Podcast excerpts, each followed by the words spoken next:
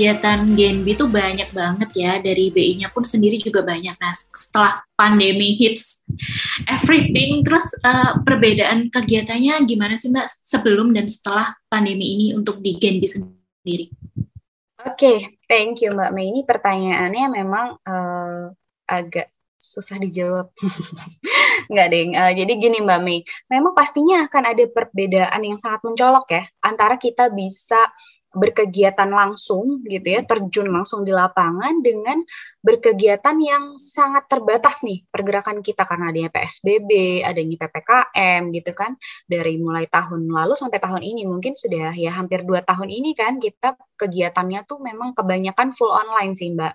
Mulai dari workshop, kemudian capacity buildingnya, kita sangat memaksimalkan, mengoptimalkan kegiatan-kegiatan yang berbasis online.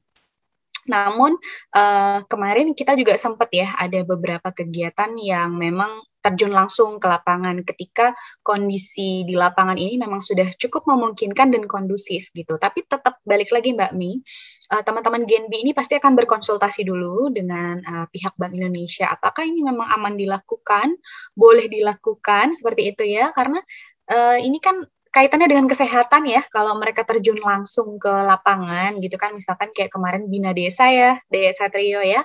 Bina desa ini apakah kita boleh langsung uh, terjun seperti itu dan lain sebagainya. Kalau dari sisi kami sih memang mempertimbangkan kesehatan ya terutama jadi prokes ini harus uh, dijalankan gitu ketika kita ingin melakukan kegiatan yang sifatnya offline.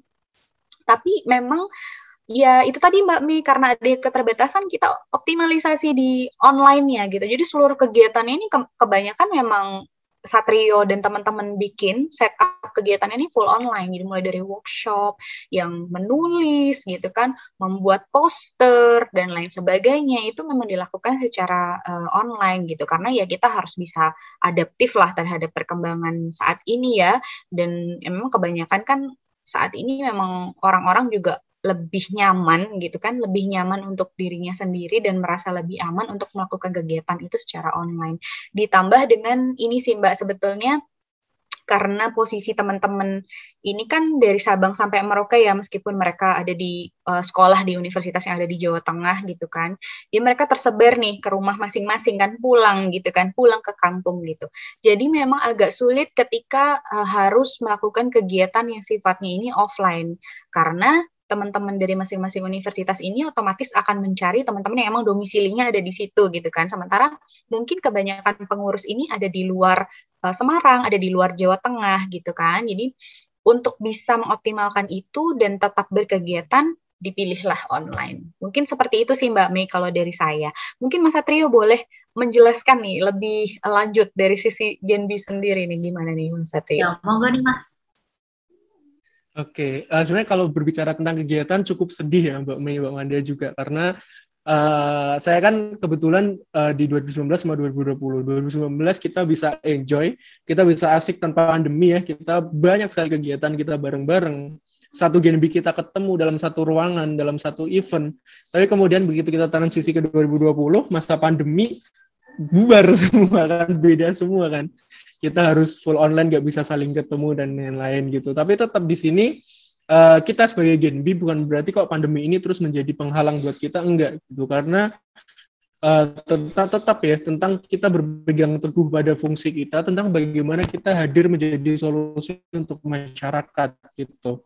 Nah makanya kita nggak bisa untuk terus tinggal diam gitu. Bukan berarti kok oh ini pandemi kita nggak bisa ketemu kita nggak bisa bikin event yang uh, boom gede gitu tapi kita harus diem aja gitu enggak seperti itu juga gitu.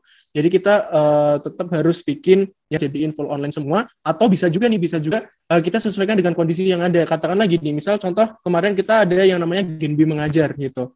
Oke, dulu ketika kita Genbi mengajar ya, kita bareng-bareng dari misal dari Undip, dari UNES atau dari mana, kita geruduk nih satu sekolah, kita ajar ke mereka tentang rupiah, kita kasih tahu mereka tentang uh, tentang bagaimana ciri uang rupiah dan lain-lain. Biasanya seperti itu. Kita ke SD SD kita ke uh, madrasah-madrasah seperti itu. Tapi ketika kita dihadapkan pada situasi online otomatis hal seperti itu tidak bisa dilaksanakan. Pertama memang kita nggak bisa kumpul-kumpul. Kedua SD-nya juga libur gitu kan. Uh, mereka sekolah di rumahnya masing-masing juga gitu sehingga tidak bisa dilaksanakan. Nah maka dari itu kita kemarin modifikasi nih kita memanfaatkan teman-teman kita nih yang benar tadi kata Mbak Manda tersebar dari Sabang sampai Merauke, silakan teman-teman bikin kegiatan itu di lingkungan kalian masing-masing karena biasanya kalau di lingkungan kan itu kan prokesnya juga uh, lebih bisa dipantau kan uh, Mbak semua. Jadi uh, dari mulai bagaimana uh, prokesnya, terus kemudian kesehatannya gimana, dan ketika dalam satu daerah itu menjadi sebagai hal yang lebih mudah untuk dijangkau dan dipantau. Nah makanya kita terjunkan tuh teman-teman di situ, semua wajib nih semua Genbi, mereka wajib bikin yang namanya Genbi mengajar terkait dengan rupiah, ciri keaslian uang rupiah itu di tempatnya masing-masing, di lingkungannya masing-masing. Skopnya nggak harus yang gede-gede banget, cuma 3, 5, atau 10 anak aja udah cukup atau kurang dari itu juga masih nggak apa-apa gitu. Yang penting apa yang penting ini loh anak-anak di lingkungan kalian tetap mengerti tentang rupiah itu seperti apa, ciri keasliannya seperti apa gitu sehingga uh, mereka bisa macam itu justru lebih masif loh gitu. Karena kita lihat sisi positifnya ketika kita uh, kemarin cuma dari kita duduk satu sekolah ya udah cuma satu sekolah itu yang paham tapi ketika kita terjunkan semua teman-teman ini dari Sabang dari Sabang sampai Merauke, jangkauan kita nggak cuma satu daerah, tapi satu Indonesia gitu. Nah itu menjadi salah satu hal positif yang coba kita ambil gitu dari kegiatan-kegiatan yang kita laksanakan dengan modifikasi-modifikasi. Pun demikian dengan kegiatan yang lain kayak tadi webinar, ada workshop juga. Kemarin sempat ada workshop kayak uh, bikin apa ya, bikin sesuatu gitu, ya udah di di shoot aja gitu sambil dilihat sama teman-teman bareng-bareng kayak gitu.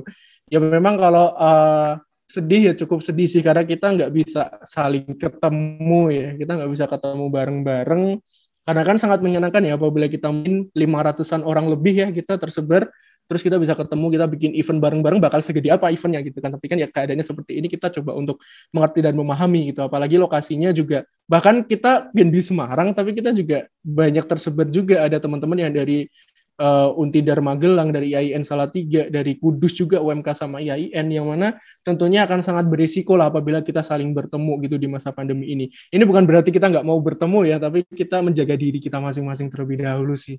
Gitu nah makanya uh, hal-hal modifikasi-modifikasi seperti itu dari mulai online kemudian uh, berfokus di daerahnya masing-masing atau mungkin terkadang kita hybrid juga.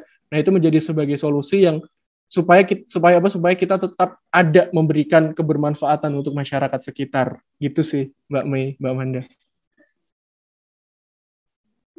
Oke, menarik banget ya. Semoga uh, pandemi segera berakhir ya, teman-teman ya.